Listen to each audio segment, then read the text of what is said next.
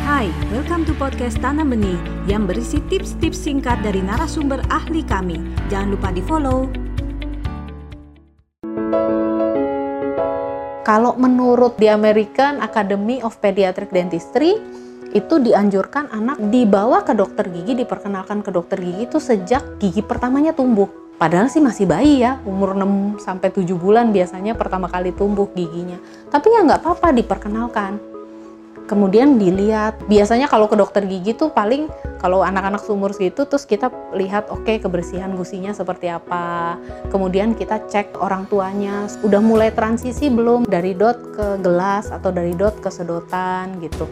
Dan secara psikis anak itu dipersiapkan untuk mengenal tentang dokter gigi. Jadi besok-besok dia udah nggak takut lagi.